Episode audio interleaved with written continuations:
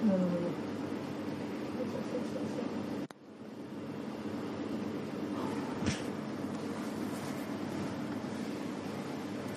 Pak?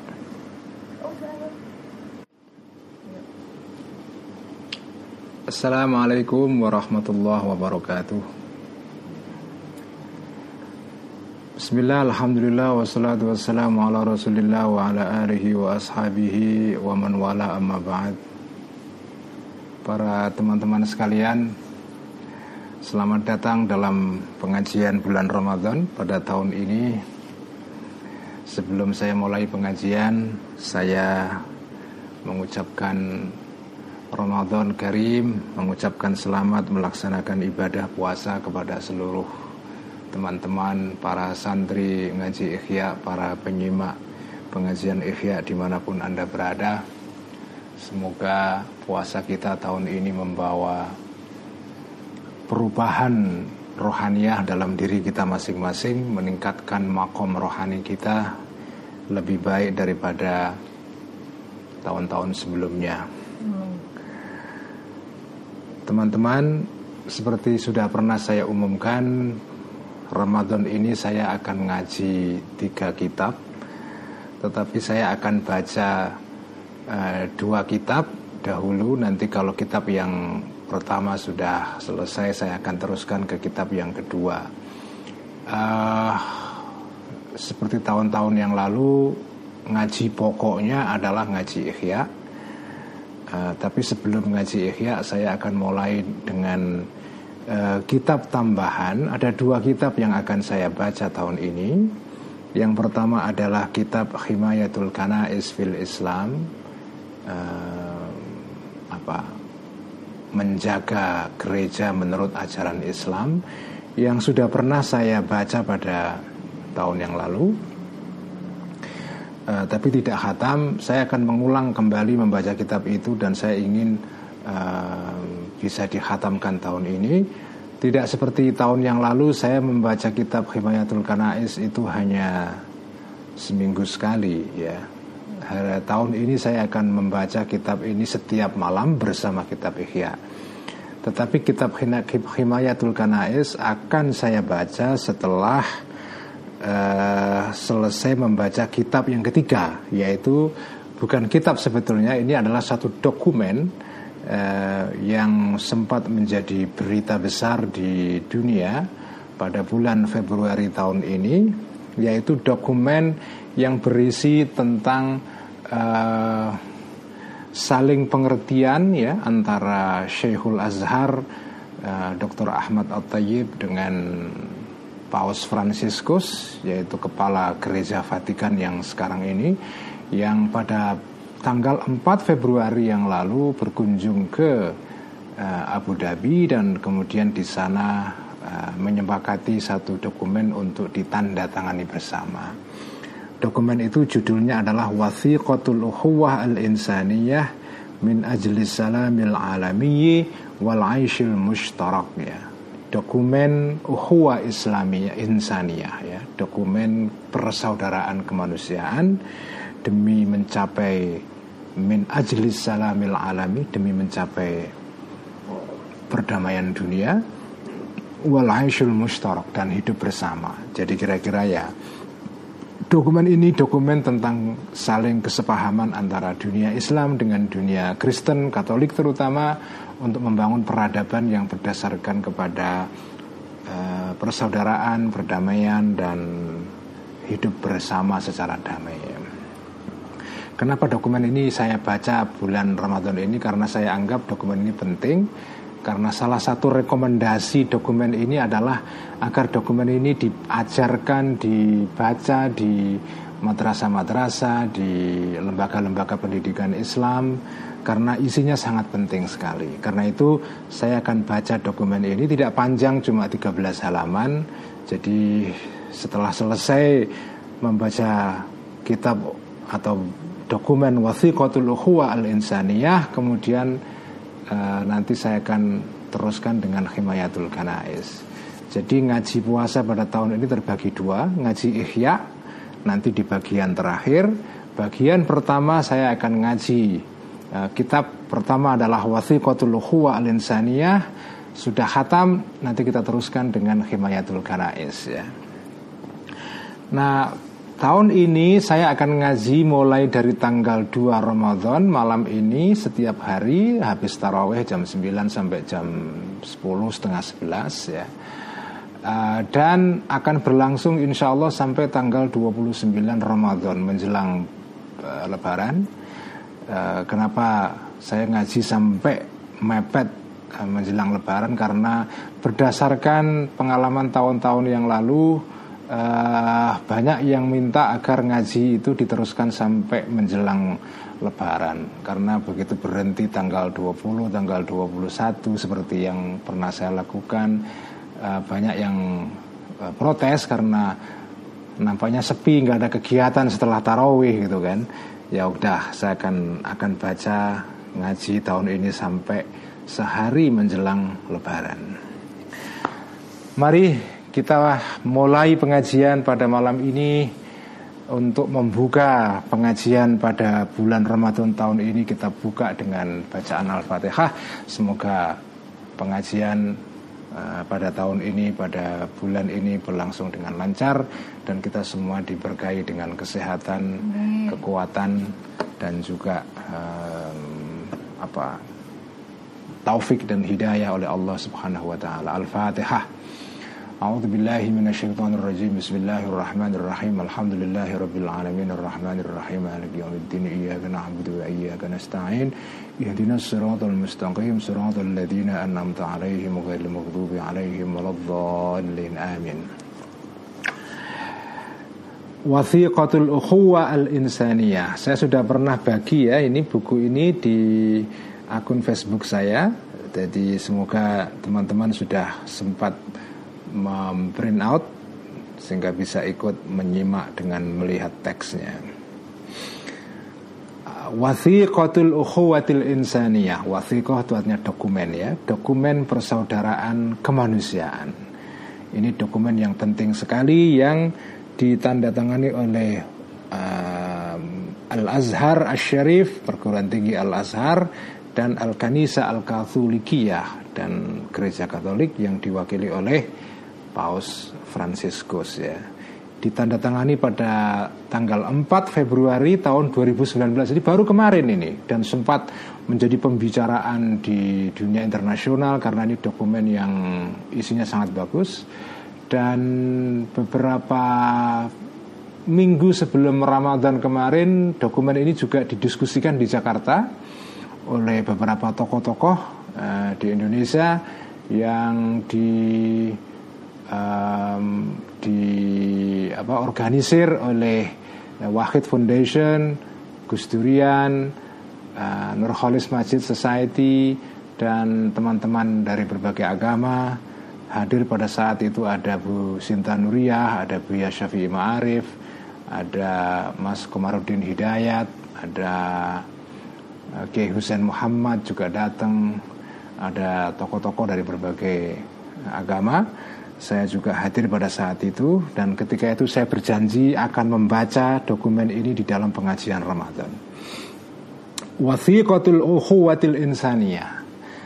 Uh, Wathiqatul ukhuwatil insaniyati dokumen persaudaraan kemanusiaan min ajlis salamil alamiyyi demi mencapai perdamaian dunia wal aishil mustaraki dan hidup bersama atau kalau dalam bahasa yang sering dipakai koeksistensi ya itu al-aishul mushtarak. Uh, kita akan langsung ke halaman 5 al-wathiqah ya. Dokumennya ini bunyinya ya. Mari saya baca ya. Nanti setelah itu kita ya bahas sedikit-sedikit lah.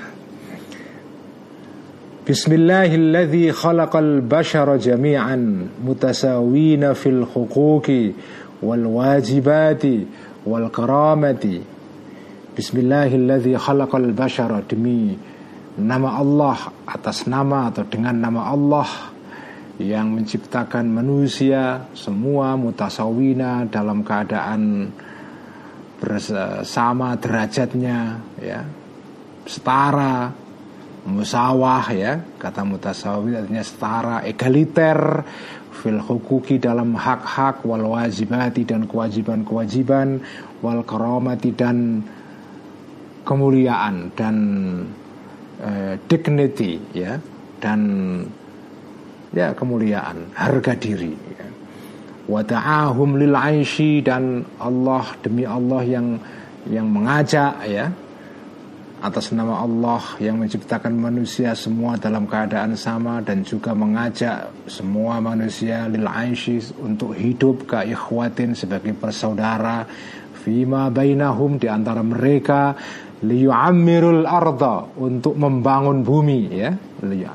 Yu'ammir itu artinya membangun meramaikan wayan syuru dan menyebarkan mereka-mereka ini fiha dalam bumi uh, kiamal khairi nilai-nilai kebaikan wal mahabbati kasih sayang wassalam dan perdamaian. Ya ini pembukaannya. Pembukaannya uh, isinya sangat bagus sekali karena di sini menunjukkan poin-poin penting yang akan menjadi uh, tema utama dalam dokumen ini Bismillahilladzi khalaqal bashara jami'an mutasawina fil huquqi wal wajibati wal karamah ya. Kemudian bismillah bismin nafsil basyariyah. Bismin nafsi atas nama jiwa al-basyariyati, jiwa manusia at-tahirati yang suci ya, jiwa manusia pada dasarnya suci. Allati harramallahu yang Allah mengharamkan izhaqaha untuk mengalirkan darahnya jiwa itu artinya membunuh ya.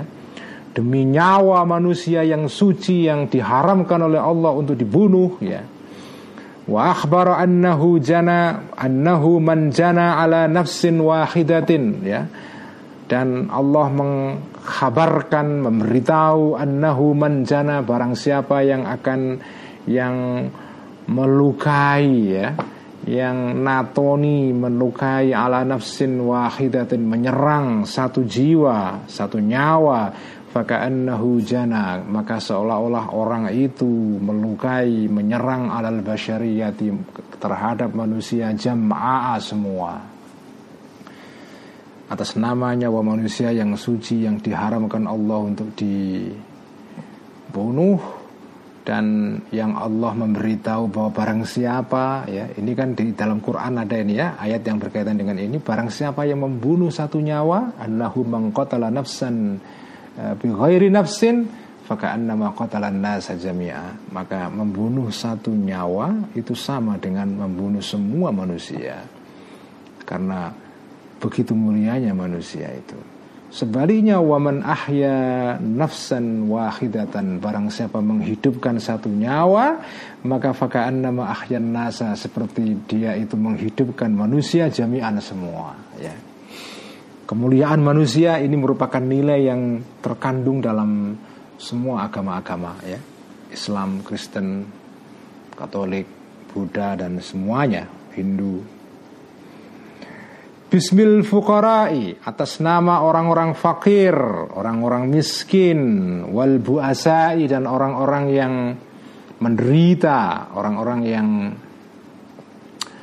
uh, terpinggirkan, ya menderita, menderita ya, orang-orang yang celaka, orang-orang yang menderita, wal mahrumina dan orang-orang yang tidak mendapatkan haknya, terhalang dari haknya, wal muhammasyina dan orang-orang yang dipinggirkan ya. Ini bahasa Arab modern ini al muhammash orang-orang yang dipinggirkan. Alladzina amarallahu yang Allah memerintahkan bil ihsani ilaihim untuk berbuat baik kepada mereka semua itu ya. Atas nama orang-orang fakir, miskin, menderita, yang terhalang dari hak-haknya, yang dipinggirkan, yang Allah memerintahkan untuk kita berbuat baik kepada mereka semua, ya. Wa maddiyadil auni anhum dan mengulurkan wa maddiyadil auni mengulurkan tangan pertolongan litakhfifi untuk meringankan anhum terhadap mereka semua itu. Ya. Fardon ya, sebagai keharusan ala kulli insanin terhadap semua manusia. La siyama kulli muqtadirin terutama manusia yang mampu wa maisurin dan berada. Ya. Demi orang-orang miskin itu semua. Bismil aitami. Jadi ini isinya adalah apa ya? Uh, isinya mengandung satu uh, poin penting yaitu solidaritas, kesetia, kesetia kawanan kepada orang-orang yang yang terpinggirkan, yang terhalang dari hak-haknya. Bismillahirrahmanirrahim atas nama para yatim-yatim wal aramili dan para rondo-rondo, janda-janda ya. Wal muhajirina. Nah, ini bahasa Arab uh, kontemporer ini, bahasa bahasa modern ya. Dalam bahasa Arab klasik istilah ini nggak dipakai atau jarang dipakai.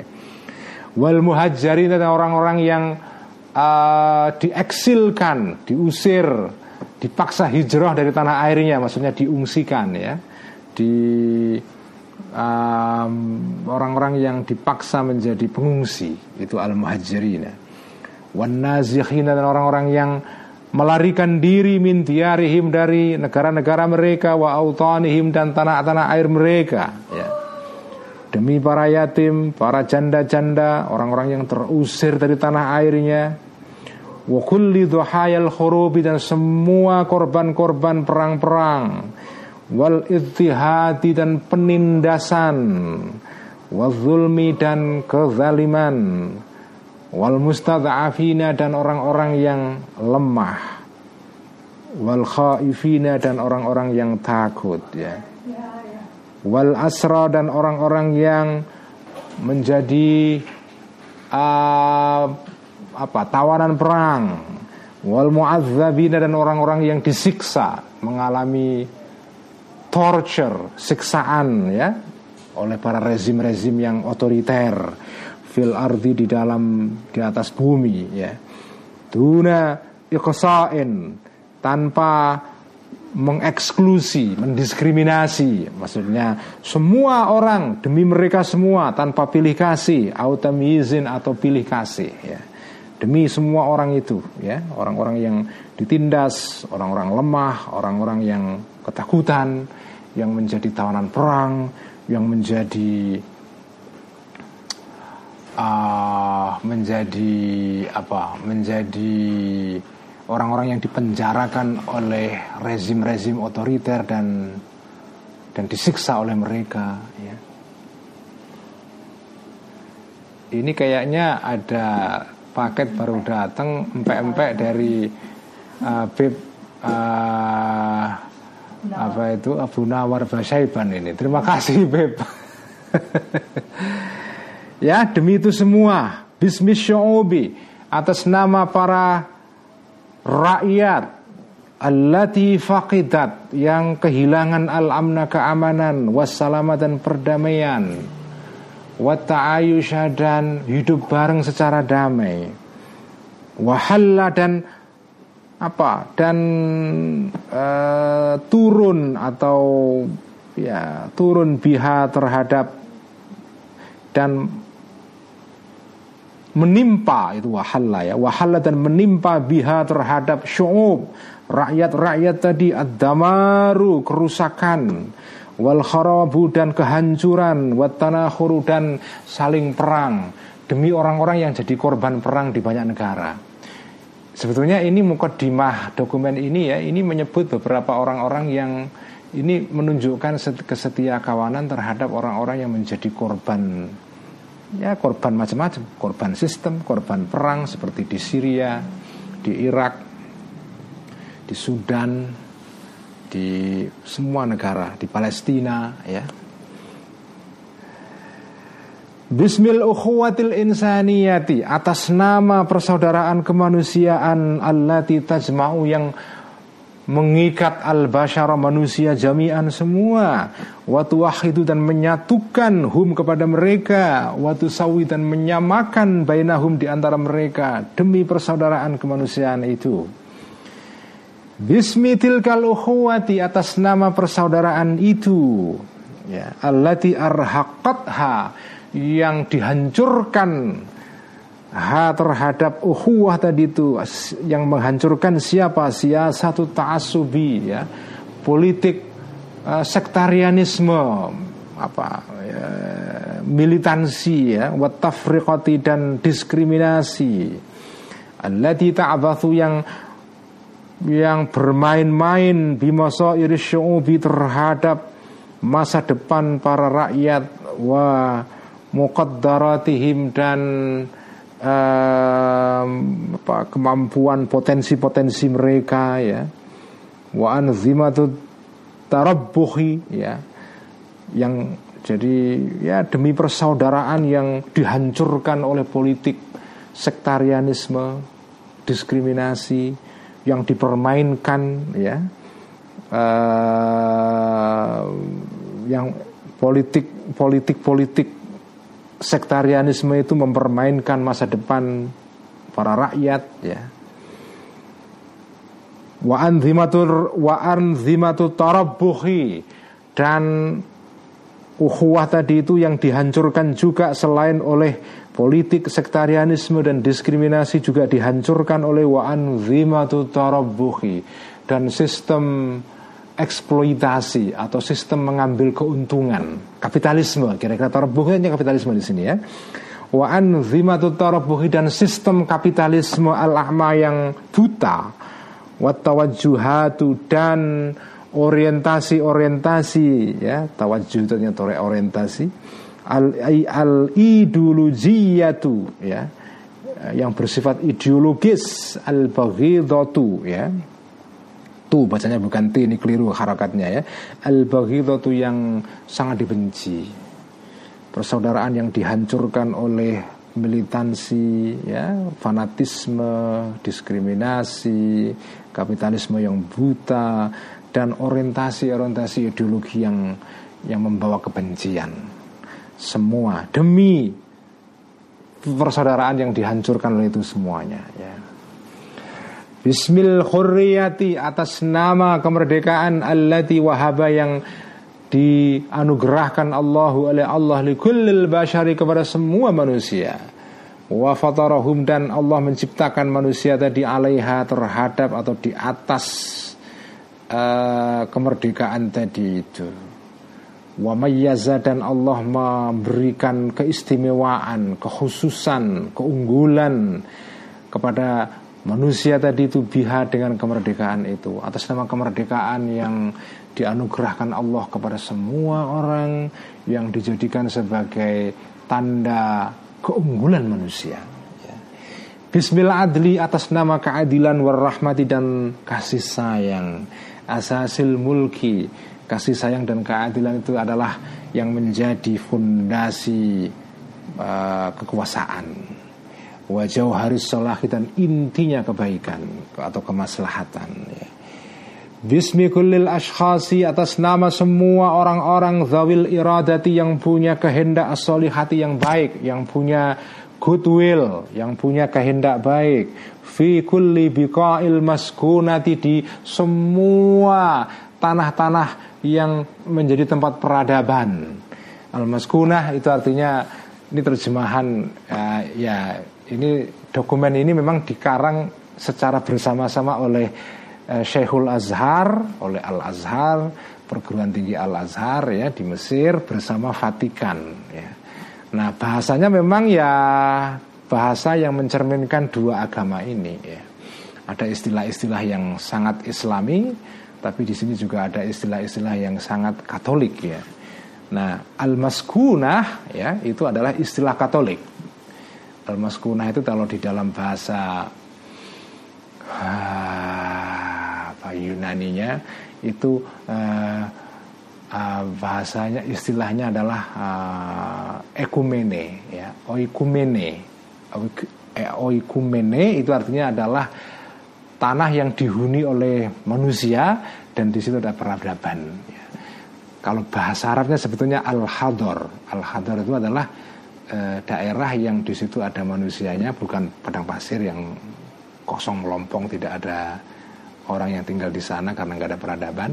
Jadi al-maskunah atau al-biqaul maskunah itu adalah terjemahan Arab dari istilah Yunani uh, ekumene atau oikumene uh, yaitu tempat-tempat atau daerah-daerah yang dihuni manusia dan di situ ada peradaban.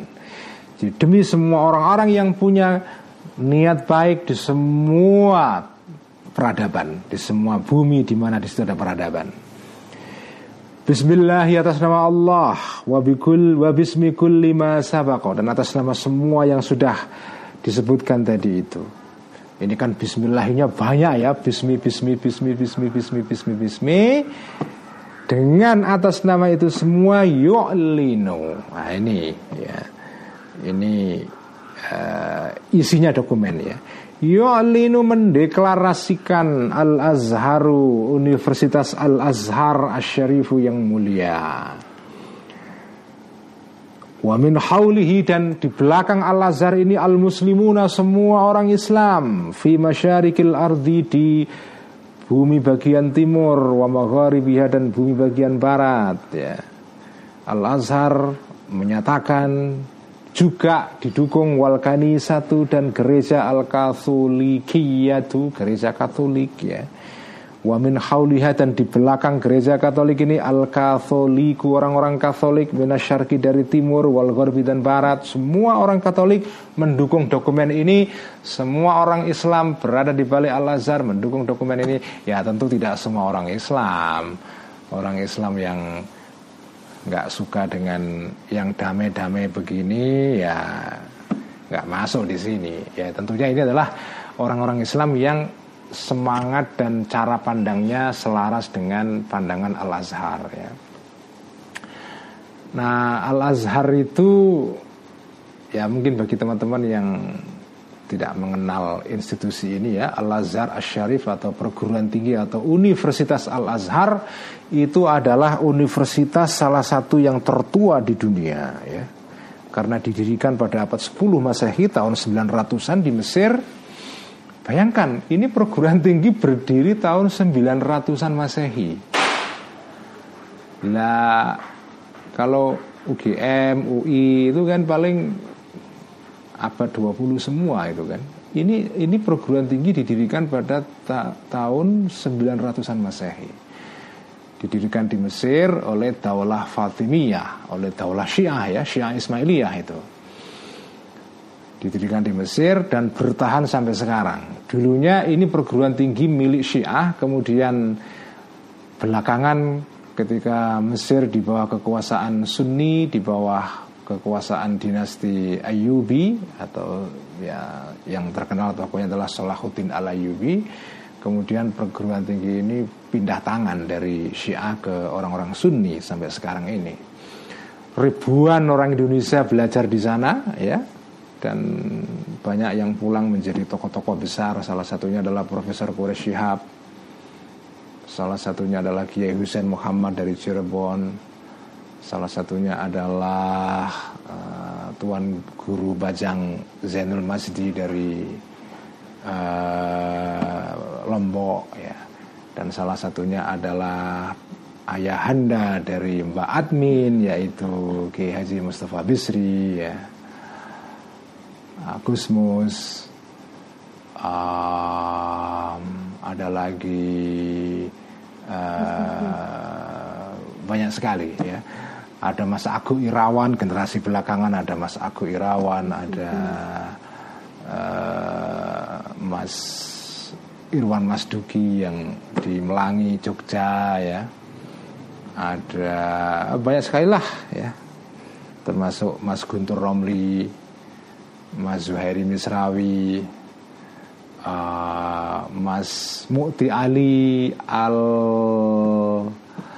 uh, Mu'ti Ali Al-Kushairi yang meng mengaji kitab Adabud Dunya setiap hari ya. Itu semua adalah lulusan Al-Azhar ya.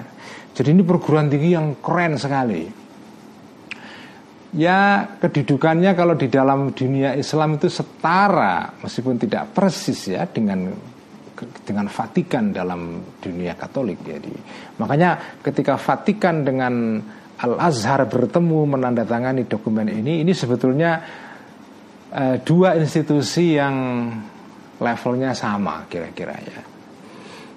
Jadi di belakang Al Azhar semua orang Islam mendukung, di belakang gereja Katolik, gereja Vatikan semua orang Katolik mendukung ya. Mendek, dua lembaga ini meng, yu'linu mendeklarasikan mendeklarasi mendeklarasikan ini intinya tabanniya thaqafatil khiwari. Tabanni itu artinya mengadopsi ya tabanni. Tabanniya thaqafatil khiwari untuk mengadopsi kebudayaan dialog ya kultur dialog. Darban sebagai jalan sebagai lorong itu darban ya. Jadi mengadopsi kultur dialog sebagai jalan sebagai metode wata'awuni dan kultur gotong royong atau saling tolong menolong al mushtaraki yang bersama-sama sabilan sebagai jalan. Jadi kultur dialog, kultur ta'awun al mushtarak yaitu uh, saling membantu uh, kooperasi. Ya, at-ta'awun al mushtarak itu adalah kooperasi Wata'arufil mutabadili dan saling pengertian Mutual understanding ya. Nahjan sebagai jalan Watorikon dan jalan ya.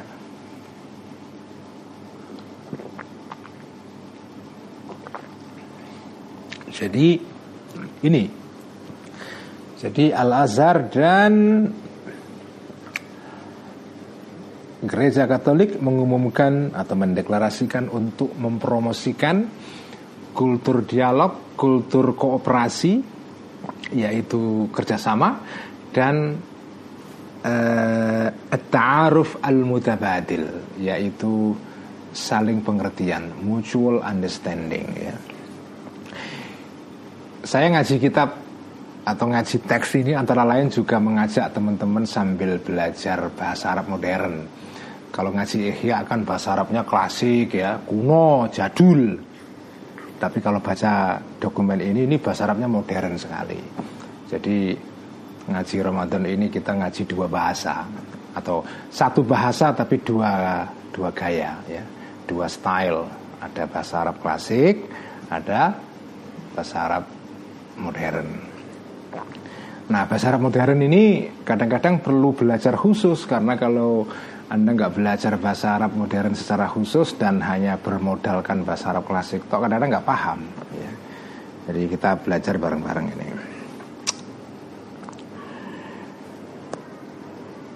Innana nahnu al-mu'minina billahi wa biliqaihi wa bihisabih ya. Innana nahnu kita semua al-mu'minina orang-orang mukmin. Orang-orang yang percaya terhadap Allah wa biliqaihi dan terhadap perjumpaan dengan Allah nanti di akhirat. Wabi hisabi dan iman terhadap hisabnya Allah. Ini semua kan konsep-konsep keagamaan ini Islam. Terutama Islam ya Kristen juga sama ya. Ya sebetulnya Islam dan Kristen ini mempunyai banyak kesamaan dalam konsep-konsep kunci keagamaan ini ya. E, jangan lupa ya ini dokumen dibikin dua agama Katolik dan uh, Islam ya. Islam Sunni di bawah Al Azhar. Jadi semangatnya juga mencerminkan semangat dan ajaran dua agama ini. Jadi semua kita semua orang-orang yang beriman kepada Allah, kepada hari akhir dan hisab Allah wa min muntalaki mas'uliyatina dan dari eh, titik berangkat tanggung jawab kita masuliyah itu artinya adalah responsibility ya tanggung jawab adiniyati yang bersifat keagamaan wal adabiyati dan bersifat um, apa etis atau moral ya tata kerama maksudnya etis ya. Dan berangkat dari tanggung jawab keagamaan dan moral wa abro hadhil wasiqati dan melalui dokumen ini ya abro artinya melewati via kalau bahasa sekarang ya. Ya kita semua nutalibu anfusana menuntut diri-diri kita masing-masing. Waqadatal alami dan para pemimpin-pemimpin dunia ya. Qadah itu jamaknya qaidun qadah. Wasunna asyasati dan para pembikin kebijakan ya. Sunnah usiasah itu bahasa Arab modern juga ini ya. Dalam bahasa Arab klasik kita jarang malah nggak menemukan istilah ini. Sunnah usiasah itu adalah policy maker ya. Para pembikin pembuat kebijakan ad yang bersifat internasional ya. Ad antar bangsa para pembikin, pembuat kebijakan internasional wal iktisadi dan uh, para pembuat kebijakan-kebijakan ekonomi al-alami yang bersifat internasional ya.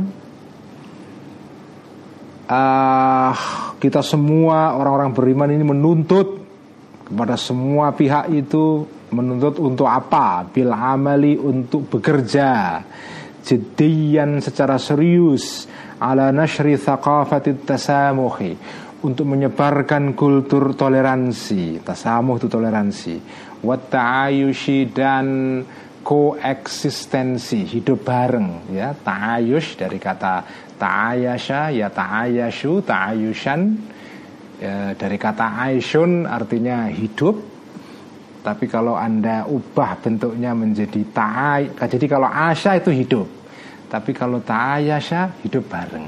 Nah, itulah uniknya bahasa Arab itu ya. Kadang-kadang kalau Anda belajar bahasa Arab itu pasti akan menemukan banyak hal menarik ya. Kata kerja bahasa Arab itu punya banyak bentuk.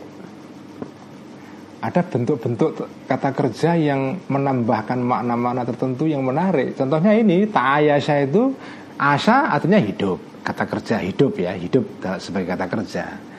Tapi kalau Anda ubah bentuknya menjadi ta'ayasha Mengikuti pola tafa'ala Maka maknanya hidup bareng Jadi menunjukkan ada aspek kooperatif Yani dua orang saling kerja bareng gitu. Wata'ayushi dan hidup bareng Wassalami dan kultur perdamaian ya, Kita semua para orang-orang beriman kepada Allah ini menuntut semua policy maker, pembikin kebijakan internasional untuk menyebarkan pertama thaqafatut tasamuh ya. Kultur perda uh, toleransi. Kultur hidup bareng, koeksistensi atau ayus, wassalam dan hidup uh, dan kultur perdamaian. Watadakhuli dan menuntut untuk intervensi Tadakhul ya Ini juga kata tadakhul ini Eh, maknanya dalam bahasa Arab modern juga beda dengan bahasa Arab jadul atau klasik ya. Kalau tadakhala dalam bahasa Arab klasik ya artinya ya makso melebu apa ya memaksa masuk itu kalau tadakhala. Nah dalam bahasa sekarang artinya adalah intervensi itu ya. Wattadakhul dan intervensi fauron seketika liiqafi sailid dimai untuk menghentikan aliran darah-darah al-bariati yang tidak berdosa. Ya, kita menuntut semua para pemimpin, pemimpin dunia, pembikin, pembuat kebijakan untuk intervensi demi tujuan-tujuan kemanusiaan jika terjadi perang ya. Ya, di, ya ini ini yang dirujuk di sini jelas ini Syria ya. Syria um, Syria dan negara-negara Afrika ya wawakfima yashhadu. Dan menghentikan pemandangan-pemandangan yashhaduhul alamu yang disaksikan oleh alam halian saat ini ya. Halian artinya at the moment saat ini. Min khurubin yaitu berupa perang-perang wasiraatin dan konflik ya. Siraat itu konflik ya. watarajuin dan uh, apa? Watarajuin dan uh, apa ini? Watarazuin dan kemerosotan ya. Watarazuin dan kemerosotan munakhiyin yang bersifat bersifat uh, iklim ya. Jadi ya ini ini merujuk kepada isu uh, climate change ya perubahan iklim karena terjadinya kenaikan suhu yang membuat gunung es di apa kutub utara dan selatan meleleh ya sehingga mengancam daratan manusia. Jadi tarajuin munakh itu adalah apa ya uh, kemerosotan iklim karena terjadinya uh, climate change perubahan iklim ya. wan khidarin thaqafi dan kemerosotan budaya ya. Wahlakin dan moral. Inkhidar itu dekadensi ya. Inkhidar inhidarin thaqafiyin wa akhlaqiyin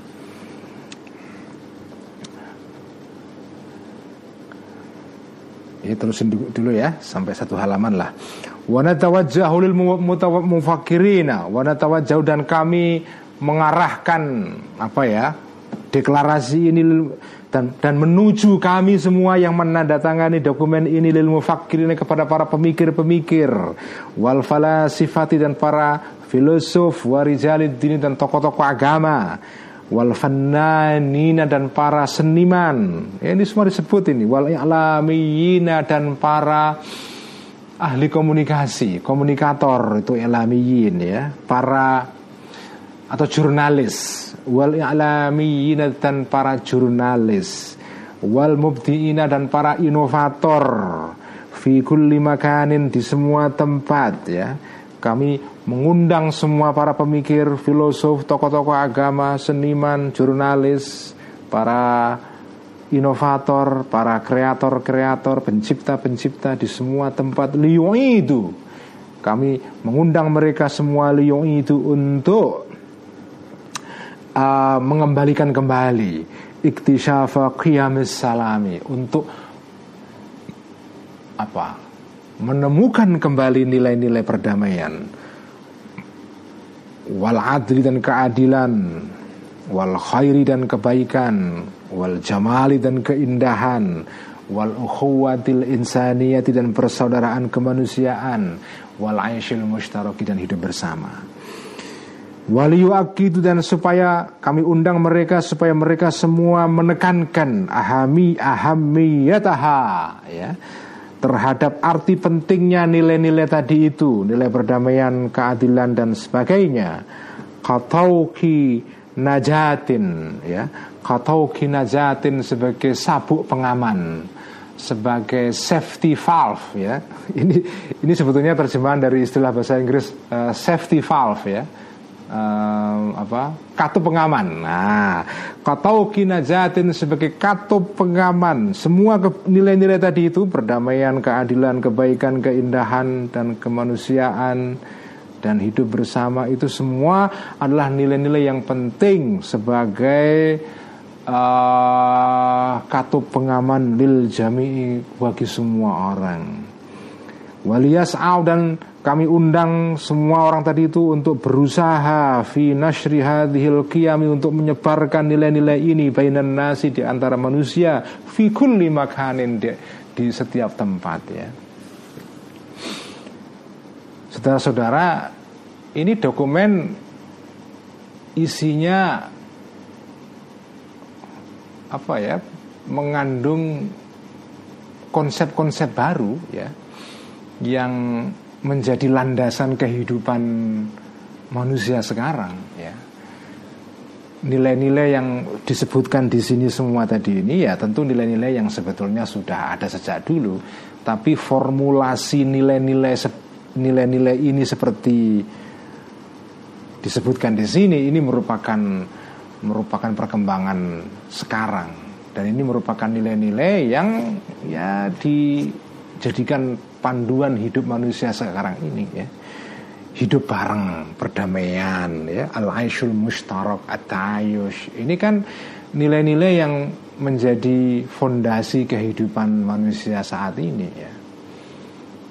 Nah nilai-nilai ini kan sebetulnya yang jadi sebetulnya kan dokumen ini ini kenapa sih dokumen ini ditandatangani di Abu Dhabi di negeri Arab ya di negara Teluk itu? Nah, kenapa? Ya karena memang Ya ini sebetulnya alamat atau address dari dokumen ini ya jelas konflik-konflik di dunia Arab di Irak, di Syria, Libya saat ini, di Palestina, di Israel,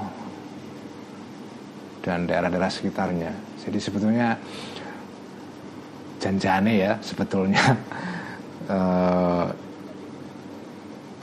alamat utama dari dokumen ini ya memang situasi di Timur Tengah sebetulnya ya. ya kita alhamdulillah di di Nusantara di Indonesia ini kan ya meskipun ada masalah tapi kan tidak se seserius seakut masalah yang ada di Timur Tengah ya. Ya kita bersyukurlah kepada Allah bahwa kita tidak mengalami pernah ada ISIS seperti yang pernah berkuasa di Irak seperti itu yang brutal sekali yang yang semua kelompok-kelompok seperti ISIS ini kan semua tidak mempercayai nilai-nilai ini, nilai hidup bareng, ta'ayush itu semua kan ditolak ya. Jadi ini sebetulnya dokumen ini adalah dokumen yang merupakan uh, antitesa ya. Jadi mengemukakan nilai-nilai tandingan terhadap nilai-nilai yang dibawa oleh kelompok-kelompok radikal seperti Al-Qaeda, ISIS dan seterusnya itu ya. Saya akan hentikan dulu sampai di sini ngaji wathiqah ini. Jadi besok kita teruskan. Jadi kita ngajinya setiap malam itu dua kitab ya. Saya harapkan nanti yang dokumen ini yang ngaji ini selesai dalam waktu seminggu ya. Atau kalau bisa kurang. Nanti setelah itu kita teruskan dengan kitab Himayatul Kanais. Tapi bagian kedua setelah ini kita ngaji Ihya sekarang ya. Oke, alhamdulillahirabbil Sekarang kita ngaji ya. A'udzu billahi minasyaitonir rajim. Bismillahirrahmanirrahim. Alhamdulillahi rabbil alamin wassalatu wassalamu ala asyrafil anbiya'i wal mursalin sayyidina Maulana Muhammadin wa ala alihi wa ashabihi ajma'in. أما بعد فقال المؤلف رحمه الله تعالى ونفعنا به وبعلومه في الدارين آمين ربي يسر وعين Mari kita ngaji Ihya meneruskan bacaan mingguan kita akan baca di halaman 954 ya. Mari kita mulai dengan menghadiahkan Al-Fatihah kepada Imam Ghazali. Ala hadin niyah wa kulli niyatin salihah wa ila ruhi sallallahu alaihi wasallam wa ruhi hujjatul Islam Abi Hamid Al-Ghazali. Al-Fatihah أعوذ بالله من الشيطان الرجيم بسم الله الرحمن الرحيم الحمد لله رب العالمين الرحمن الرحيم مالك يوم الدين إياك نعبد وإياك نستعين الصراط المستقيم صراط الذين أنعمت عليهم غير المغضوب عليهم ولا الضالين آمين بسم الله الرحمن الرحيم halaman 954 di paragraf kedua waruya anna Ali bin Musa ar-Ridha ya Waruya dan diriwayatkan. Ini kita masih membahas soal Apa tanda-tanda akhlak yang baik.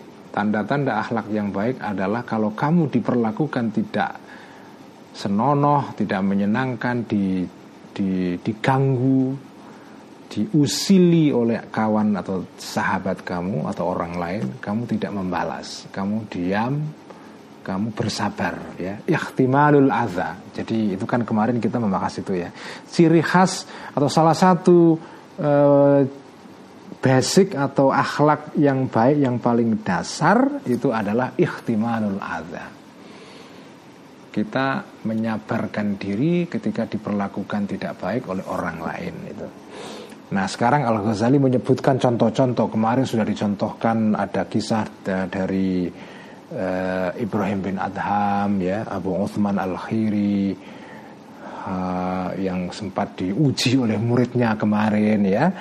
Kemudian nah sekarang kita akan uh, membaca kisah dari salah satu tokoh penting dalam Syiah ya yang meninggalnya itu di desanya Imam Ghazali di kotanya Imam Ghazali itu di Tus ya yaitu kisah Ali Ar-Ridho ya yaitu imam Syiah yang ke-8 eh, ya kalau nggak salah putranya Musa al Kazim ya. Waruya dan dikisahkan anna Ali bin Musa ar-Ridha. Ali bin Musa ar-Ridha ya. Teman-teman di Iran banyak orang namanya Ali Reza Ali Reza itu maksudnya ini ya. Ali Reza. Ini salah satu eh, tokoh imam di dalam Syiah Imamiyah 12 imam yang ke-8 ini adalah Ali bin Musa Ar-Ridha rahmatullahi alaihi ya uh, karena ada launuhu warna kulitnya Ali bin Musa Ar-Ridha ini ya milu condong ila sawati kepada warna hitam. Jadi Ali bin Musa Ar-Ridha ini agak hitam kulitnya ya. Kenapa? Karena izkanat karena ada ummuhu ibunya Ali bin Musa Ar-Ridha ini saudaa hitam. Jadi ibunya ini uh, hitam kulitnya ya. Ya mungkin kalau bahasa sekarang ya negro ya Habashi apa uh, kulitnya hitam. Jadi dikisahkan Ali bin Musa Ar-Ridha kulitnya agak hitam wakana dan ada bini, bini saburo ya di bini saburo di kota Nisabur ya ini isim ghairu munsharif karena itu uh, dalam kedudukan jer karena ada bak partikel bak sebelumnya tanda jernya adalah fathah ya. Bini Saburo di Nisabur ini provinsi eh, salah satu kota penting di daerah Khurasan ya. Dan ini salah satu kota di mana Al Ghazali uh, pernah belajar ya. Ini di situ di situ tempat gurunya yaitu Al Haramain. Jadi Al Ghazali belajar di sana. Jadi ini kota besar, kota besar di provinsi Khorasan di mana Al Ghazali uh, berasal ya. Wakana dan ada bini Saburo di kota Naisabur hammamun uh, tempat sauna, tempat mandi apa mandi uap yaitu hammam ya. Uh, ala babi darihi uh, di depan pintu rumahnya Ali bin Musa Ar-Ridho. Jadi rumahnya Ali bin Musa itu di depannya ada tempat sauna atau tempat mandi hangat ya. Nah bagi orang, bagi teman-teman yang nggak kenal hammam ini sebetulnya kalau dulu saya di pondok itu hammam itu artinya adalah kamar mandi. Sebetulnya hammam itu bukan sekedar kamar mandi, bukan kamar mandi di pondok pesantren yang yang biasa kita lihat di pondok-pondok itu hammam itu artinya adalah tempat pemandian yang airnya hangat ya. Ya seperti ya kalau sekarang bahasanya sauna. Nah hammam itu adalah adalah tradisi yang sangat populer di di ya di, di, di kawasan Persia dan Turki.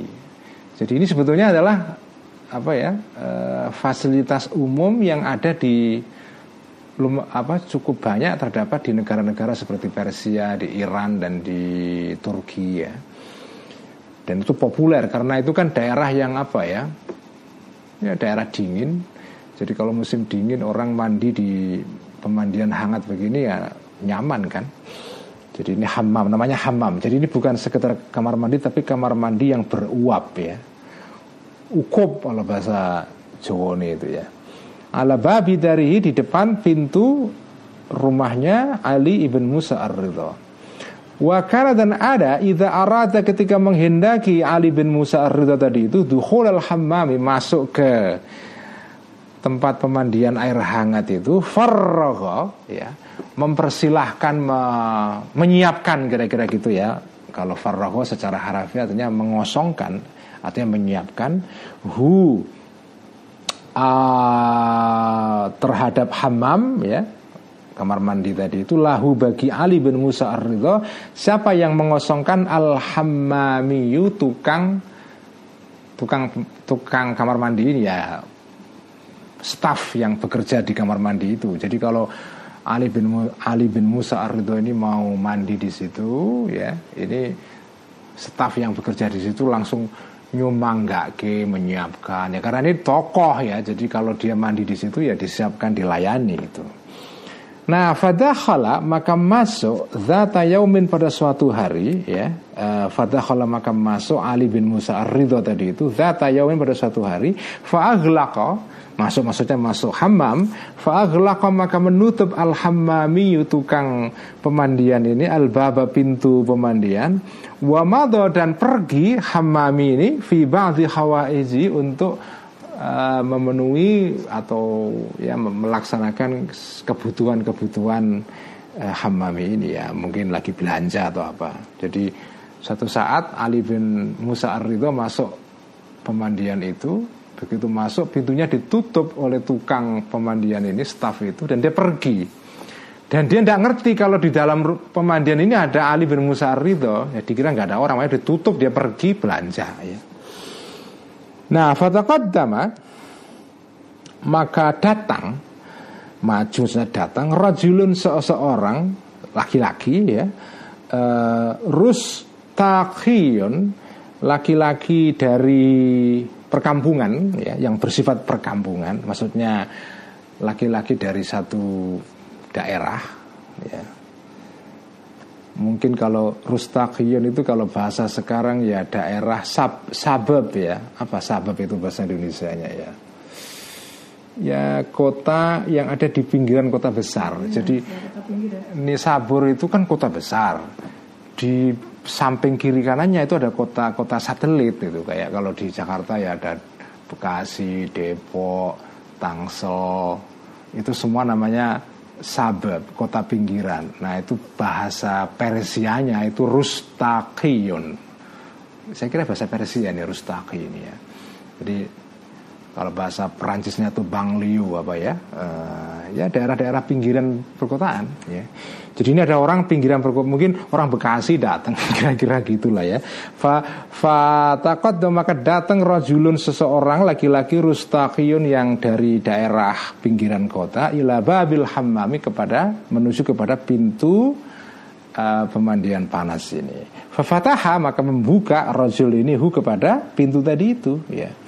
Dia buka karena kepengen mandi, buka pintunya, wadah dan masuk laki-laki itu tadi fanaza maka mencopot laki-laki itu via bahu terhadap pakaiannya rojul tadi itu ya. Copot-copot. Karena ini tradisi ya samalah dengan dengan tradisi mandi panas di sini atau di Jepang misalnya kan. Itu kan yang mandi di situ kan hanya satu jenis kelamin saja misalnya perempuan saya kira jarang Hamam itu di dalam tradisi di Persia dan Turki itu hanya untuk laki-laki. Jadi yang datang ke sana para laki-laki saja. Begitu di dalam mereka kadang-kadang ya namanya pemandian kan orang mencopot semua pakaiannya telanjang ya mandi di tempat yang bersama gitu. Makanya di dalam fikih itu ada satu ajaran bahwa tidak dianjurkan bagi orang-orang yang punya status sosial yang terhormat ya untuk datang ke hamam karena hamam ini sebetulnya dianggap sebagai tempat yang ya untuk orang-orang yang apalah yang orang-orang yang tidak dianggap punya reputasi sosial yang tinggi ya. Makanya kalau kiai gitu nggak dianjurkan masuk hamam gitu loh ya. E, santri misalnya ya kalau orang biasa boleh lah.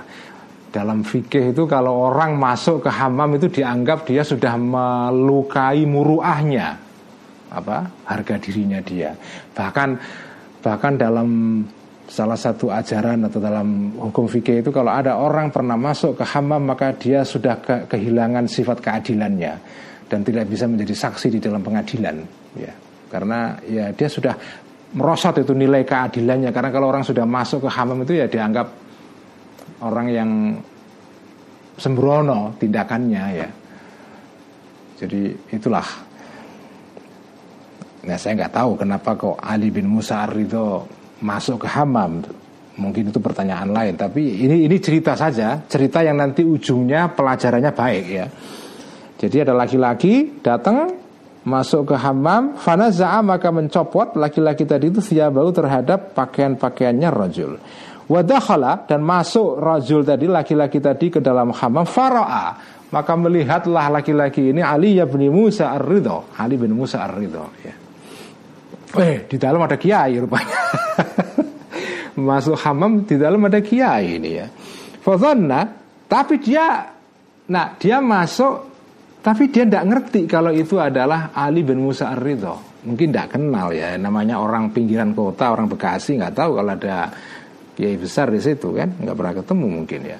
Fadhanna maka mengira ya rajul laki-laki tadi itu annahu sesungguhnya Ali bin Musa Ar-Ridho adalah ba'du khuddamil uh, hammami ya sebagian dari pelayan-pelayan hammam ini dikira dia ini staf atau pelayan atau buruh atau pegawai di situ. Ya. Fakallah maka berkata laki-laki tadi telahu kepada Ali bin Musa Ar-Ridha. Karena dikira dia itu pelayan di situ, ya kemudian dia nyuruh-nyuruh kum berdirilah wahmil dan bawalah ilayya kepadaku almaa air. Ya. Coba kamu ambilin air dong gitu. Yang disuruh nih kiai besar padahal ini Fakama maka ber, maka berdiri Ali bin Musa ar-Ridha. Fakama maka berdiri Ali bin Musa Ali bin Musa ar-Ridha. Wamtathala dan mengikuti Ali bin Musa ar-Ridha Jami'ama. Semua hal Karena yang ada Yakmuru memerintahkan laki-laki tadi itu kepada Ali bin Musa ar-Ridha bihi terhadap ma ya. Semua perintahnya diikuti, suruh ngambil air, suruh ngambil sabun, suruh ngambilin apa uh, handuk dan segala macam. Nah, setelah dia mandi-mandi-mandi, kemudian staf atau pelayan hamam yang sesungguhnya yang pergi tadi balik Faroja maka balik al hamami tukang hamam tadi itu Faro'a maka melihatlah hamami Thiyaba arus taqi eh, Baju-bajunya Laki-laki rustak tadi ya Laki-laki dari pinggiran kota ini Wasami'a dan mendengarkan Hamami tadi itu mendengar Kalamahu percakapannya Ar-Rustaqi ma'akali ma'ali ibni Musa bersama Kiai Ali bin Musa Ar-Ridho ini ya. Wah, lah kok tiba-tiba dia dengar dari dalam kamar mandi ada laki-laki nyuruh-nyuruh kiai ini kiai besar ini maka dia ketakutan fakhafa maka ketakutan. Hammami tadi itu waharoba dan lari uh, apa tukang hamam tadi itu wahalla dan membiarkan Hammami tadi itu huma terhadap Arustaki atau rojul laki-laki dari pinggiran kota ini dan Ali bin Musa. Dibiarkan dia ditinggalkan uh, keluar karena dia ketakutan takut ini kok ada orang nyuruh-nyuruh seorang tokoh besar suruh ngambil air suruh ngambil sabun dan segala macam. Falamma kharaja maka ketika keluar Ali bin Musa Ali bin Musa ridho ketika dia sudah selesai mandi saala uh, keluar Sa'ala maka bertanya Ali bin Musa ar-Ridha anil hammami tentang buruh atau tukang hammam tadi itu yang lari tadi itu. Ke mana dia? Kok nggak ada? Itu kan Fakila maka dikatakan lahu kepada Ali bin Musa ar-Ridha Innahu khafa Innahu sesungguhnya Al-Hammami Tukang pemandian tadi itu khafa Ketakutan dia. Uh, Kiai Ali bin Musa itu dia ketakutan. Mimma dari sesuatu terhadap sesuatu jaro yang telah terjadi antara jenengan dengan Rojul Rustaki tadi itu. Faharaba maka larilah dia khawatir jenengan marahi itu kan Qala mengatakan Ali bin Musa ar-Ridha La yambagi lahu an yahraba. La yambagi tidak seyogianya lahu bagi Al-Hammami Tukang pemandian tadi itu an yahroba untuk lari laki-laki tadi itu. Ngapain dia lari? Kenapa? Ngapain? Takut itu ya. Innama zambu sesungguhnya dosa. Bukan dia yang salah. Innama zambu sesungguhnya kesalahan liman Kepada atau bagi orang Adalah bagi orang Wadu'a yang menaruh ma'ahu air Spermanya orang tadi itu Indah amatin pada seorang budak perempuan Sauda'a yang hitam. Yang salah ya sebetulnya saya. Kenapa saya kok lahir dari ibu yang warnanya hitam Atau yang kulitnya hitam? Sehingga Jadi ini kan Ya karena Ali bin Musa ar ini kulitnya hitam Mandi di hammam Ada orang datang yang nggak kenal dia Ya biasanya kalau orang hitam ada di hammam itu Biasanya dia adalah pelayan Nggak mungkin ada orang yang terhormat warnanya hitam, kulitnya agak gelap masuk di hamam gitu. Kalau bukan pelayan nggak ada. Makanya ketika ketika tadi itu ada laki-laki nyuruh-nyuruh Ali bin Musa Ridho, ya bisa dimaklumi karena dia mengira ini orang pasti pelayan karena kulitnya hitam kan. Tapi meskipun nah ini ini ini poinnya adalah cerita ini adalah Ali bin Musa Ar-Ridho ini kan imam ke-8 di dalam rangkaian dalam uh, daftar 12 imam atau tokoh di dalam Syiah Imamiyah yang 12 ya. Syiah Ithna Asariyah, ya, Ithna Asyariyah. Dia tokoh besar, tapi diperlakukan seperti ini kan nggak marah.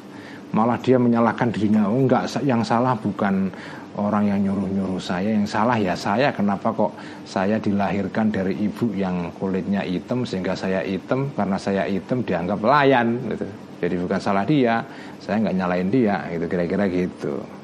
Eh, inilah contohnya akhlak itu kan, ikhtimalul aza. Ya. Uh, kita sabar, tidak marah ketika diperlakukan kurang ajar. Ya. Nah, ini berat ya, uh, nggak semua orang mampu melakukan seperti ini karena ya biasanya orang kalau diperlakukan tidak sesuai dengan status sosial dia marah pastilah ya. Ilfil kalau bahasa kita sekarang kan? Waruya anna Aba Abdillahi al-Khayyata ya.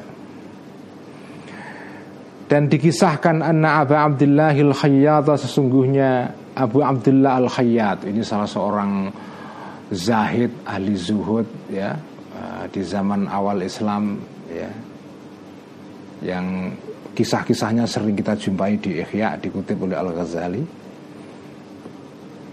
uh, karena dalam kitab Ihya ini Al Ghazali sering kali kan mengisahkan orang orang-orang yang menjadi peletak dasar ilmu tasawuf di dalam perkembangan awal Islam pada abad 2 3 Hijriah ya. Nah, salah satunya adalah Abu Abdullah Al Khayyat ini. Kenapa disebut Al Khayyat? Ya, karena dia memang tukang jahit ya. Pekerja dia seorang wali tapi pekerjaannya jahit. Karena ada ini seorang seorang penjahit namanya Abu Abdullah yang terkenal sebagai seorang zahid ahli ibadah ya. Tapi karena dia nggak mau minta-minta kepada orang, jadi dia tetap kerja untuk menghidupi uh, keluarganya. Jadi dia nggak mau bergantung kepada orang lain. Dia bekerja, walaupun pekerjaan yang sederhana yaitu menjahit. Nah, ini Abdullah Abu Abdullah Al Hayat ini karena ada ya jelisu duduk uh, Abu Abdullah ala dukanihi di dalam uh, tokonya Abu Abdullah ya ala dukanihi di dalam tokonya Abu Abdullah satu saat dia duduk di tokonya lagi nungguin orang-orang yang mungkin datang mau minta dijahitkan bajunya ya. Wakana dan ada lahu bagi Abu Abdullah Al Hayyat tadi itu ya harifun seorang pelanggan. Pelanggan yang suka minta dijahitkan bajunya harifun seorang pelanggan majusiun yang beragama majusi ini ini kisah kan terjadi di Persia hampir sebagian besar kisah-kisah orang-orang yang dikutip kisahnya oleh Al Ghazali di sini itu sebagian kalau nggak di Baghdad di Irak ya di Khurasan di, di tempat beliau sendiri di provinsi di mana uh, Al Ghazali tinggal. Nah salah satunya tadi itu Imam Ali bin Musa Ar Ridho itu adalah dia memang um, lahirnya kalau tidak salah di Irak ya, tapi dia kemudian belakangan pindah tinggal di Tus di kota Tus kotanya Imam Ghazali. Ya. Nah salah satunya yang tokoh yang dikutip Al Ghazali ya ini Abu, Abu Abdullah Al Khayyat ini adalah orang yang eh, tinggal di daerah sekitar Khurasan ya dan dia punya pelanggan seorang majusi. Kenapa majusi? Ya karena di daerah Iran itu banyak orang yang mengikuti agama majusi. Eh, pelanggan majusi ya eh, yang apa itu meminta yang mempekerjakan memper, mempekerjakan ya. Uh, Harif Majusi tadi itu hu kepada Abu Abdullah Al Khayyat fil khiyatati di dalam menjahit. Jadi ya satu hari ada seorang majusi pelanggan majusi yang minta dijahitkan baju. Fakana maka ada idha khata ketika menjahit Abu Abdullah tadi itu lahu bagi harifun majusiyun tadi itu syai'an sesuatu baju sebagai upah ya pelanggan ini hamala membawa Harif Majusi tadi itu ilahi kepada Abu Abdullah Al Khayyat darahima uang-uang dirham atau drahma ini uang dari perak zaifatan yang palsu jadi sebagai upah dia membawa dirham uang koin dari uh, perak yang disebut dengan dirham atau drahma dalam bahasa uh, Yunaninya ya drahma atau dirham tapi palsu jadi sebenarnya orang ini orang curang ya. Jadi dia jahitin baju, upahnya berupa uang palsu. Fakana maka ada masih nah tetapi yang menarik Abu Abdullah Al Khayyat itu ngerti bahwa ini uang palsu. Fakana maka ada Abu Abdullah Abu Abdullah Al Khayyat tadi itu Yahudu mengambil Abu Abdullah tadi itu ha terhadap darahim dirham dirham tadi itu minhu dari pelanggan majusi tadi. Wala yukhbiru dan tidak memberitahu Abu Abdullah Al-Khayyat hu kepada pelanggar majusi tadi itu bidzalika mengenai hal itu.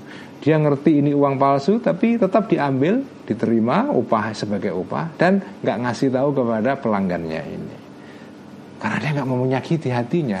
Ini, nah ini dia disakiti oleh pelanggannya, dibayar dengan uang palsu, tidak marah, dia tahu itu palsu, tidak dikasih tahu dan diambil tetap. Wala itu dan tidak mengembalikan Abu Abdullah Al-Khayyat ha kepada dirham-dirham tadi itu alaihi terhadap pelanggan majusi tadi. Enggak dikembalikan ya, tetap diambil. Nah, tiba-tiba fattafaqa. Maka maka kebetulan itu fattafaqa. Maka kebetulan it happens eh, kebetulan yauman pada suatu hari anna Aba Abdillahi sesungguhnya Abu Abdullah Al Khayyat koma pergi li atau berdiri li hajati untuk uh, menunaikan salah satu uh, kebutuhan atau hajatnya Abu Abdullah. Satu hari dia pergi tidak jaga toko. Nah, jadi dia pergi untuk memenuhi satu hajat ya. Nah, pelanggan Majusi ini datang lagi Fa'ata maka datang Al-Majusi Harif Majusi Pelanggan Majusi itu Falam Yazid maka tidak menjumpai Al-Majusi tadi Hu kepada Abu Abdullah Ternyata dia mau nyari uh, Tukang jahitnya Yaitu Abu Abdullah al nggak ada. Nah yang ada di situ muridnya. Muridnya Abu Abdullah al Santrinya. Fadafa'a maka uh, maka menyerahkan al majusi tadi itu pelanggan majusi ila tilmidhi kepada santrinya Abi Abdullah al Khayyat al Uzruta upah uh, jahitan ya. Jadi upah jahitan dikasih ke muridnya Abu Abdullah. Wastarja dan meminta balik ya majusi tadi itu mawa jahitan atau pakaian kot khoto yang sudah menjahit Abu Abdullah al Hayat hu kepada ma atau jahitan tadi itu. Jadi dia minta apa? Ya mau mengambil jahitannya dipinta balik ya. Nah kemudian ya biasa dia nyerahkan upahnya berupa dirham palsu itu. Fakana maka ada uh, upahnya ini dirhaman berupa dirham zaifan yang palsu seperti kebiasaan sebelumnya. Falam manazara maka ketika uh, melihat ya santri tadi itu tilmiz tadi itu ilaihi kepada atau falam manazara maka ketika melihat ilaihi kepada dirham tadi at-tilmidhu muridnya Abu Abdullah Al-Khayyat tadi itu arafa maka tahu santri tadi itu tilmiz tadi itu annau sesungguhnya dirham tadi zaifun adalah palsu. Santrinya tahu upah berupa dirham tadi itu palsu. Ya karena palsu ya dia khawatir dimarahi sama gurunya dikembalikan. Ya faradda maka mengembalikan tilmith tadi hu kepada dirham alaihi terhadap majusi tadi. Kembalikan. Wah ini upahnya palsu ini apa koinnya palsu nggak mau saya. Ambil lagi itu. Nanti saya dimarahi guru saya kan nah falam ada maka ketika balik Abu Abdillahi Abu Abdullah an Khayyat tadi dari selesai menunaikan hajatnya akhbaro maka memberi tahu tilmisnya tadi itu hu kepada Abi Abdullah kepada Abu Abdullah bidzalika mengenai peristiwa ini peristiwa dia dapat upah berupa uang palsu ya Nah ketika gurunya ini Abu Abdullah Al Khayyat dikasih tahu muridnya tentang cerita tadi ini malah fokola maka berkata Abu Abdullah bi sama amilta ya. Bi sama ya. Sungguh jelek sesuatu amilta yang telah melakukan engkau terhadap sesuatu tadi itu. Kamu jahat banget kayak kira gitu. Jadi gurunya dikasih tahu muridnya bahwa dia terpaksa mengembalikan uang palsu yang diberikan oleh Rojul Majusi tadi itu malah gurunya marah. Kamu ngapain melakukan itu? Kamu kok mengembalikan uang dirham yang diberikan oleh laki-laki tadi itu sebagai upah jahitan? Kok jelek banget kelakuan kamu ya? Hadal majusi majusi ini ya ini majusi. Yu'amilu memperlakukan majusi ini ini kepadaku maksudnya Abu Abdullah Al Khayyat bihadhil muamalati dengan perlakuan seperti ini yaitu bayar dengan uang palsu mundu sanatin sejak satu tahun yang lampau. Setahun full setahun itu jahitin bolak-balik. Kalau bayar ya selalu dengan uang palsu. Dia begitu memperlakukan saya dan aku nggak pernah mengembalikan upah itu. Meskipun aku tahu itu uang palsu. Wa ana dan aku maksudnya Abu Abdullah al Khayyat asbiru sabar aku alaihi terhadap al majusi tadi. Wa akhudhu dan mengambil aku ad-dirham dirham-dirham yang diserahkan oleh laki-laki majusi tadi itu minhu dari majusi. Aku walaupun aku tahu itu palsu tetap aku ambil tapi setelah aku ambil wa ulki dan membuang aku ha kepada darahim dirham-dirham tadi itu fil biri di dalam sumur. Li yahurra supaya tidak menipu pelanggan majusi tadi itu biha dengan dirham-dirham tadi itu musliman kepada seorang muslim. Ini luar biasa kan? Jadi dibayar dengan uang palsu, diambil, diterima, setelah diterima dibuang di sumur karena dia tahu ini uang palsu, supaya uang palsunya ini sengaja dia ambil supaya nggak digunakan untuk menipu orang lain. Jadi yang ditipu biar saya saja, bukan orang lain itu ya. Ya ini ini contoh ikhtimalul adha ya menyabarkan diri ketika diperlakukan tidak adil oleh orang lain tidak marah ya. Dibayar dengan uang palsu tetap diambil itu ya. Waqala dan berkata Yusufu ibnu Asbatin Yusuf ibn Asbat ya. Salah satu tokoh sufi pada apa itu abad 2-3 Hijriah ini ya. Yang juga sering dikutip oleh Al-Ghazali Waqala dan berkata Yusufu ibnu Asbatin. Yusuf ibn Asbat ya. Alamatu husnil khuluki ya. Kata Yusuf Kata seorang Sufi bernama Yusuf bin Asbat ini Alamatu husnil khuluki Tanda-tanda akhlak yang baik Ashrul fisalin sepuluh perkara. Pertama Kilatul khilafi sedikitnya uh, percekcokan ya kilatul khilafi sedikitnya percekcokan tanda-tanda akhlak yang baik tidak mau ayal-ayalan ya. nggak mau debat kusir yang nggak ada ujungnya yang nggak penting gitu ya. itu kilatul khilaf ya wa husnul insafi dan dan kebaikan dari bersikap insaf. Insaf itu artinya adalah mengakui kebenaran lawan kita. Kalau lawan kita itu benar ya kita insaf, kita oke, okay, kamu benar. Ya, itu insaf atau kalau kita salah orang lain benar kita mengaku salah.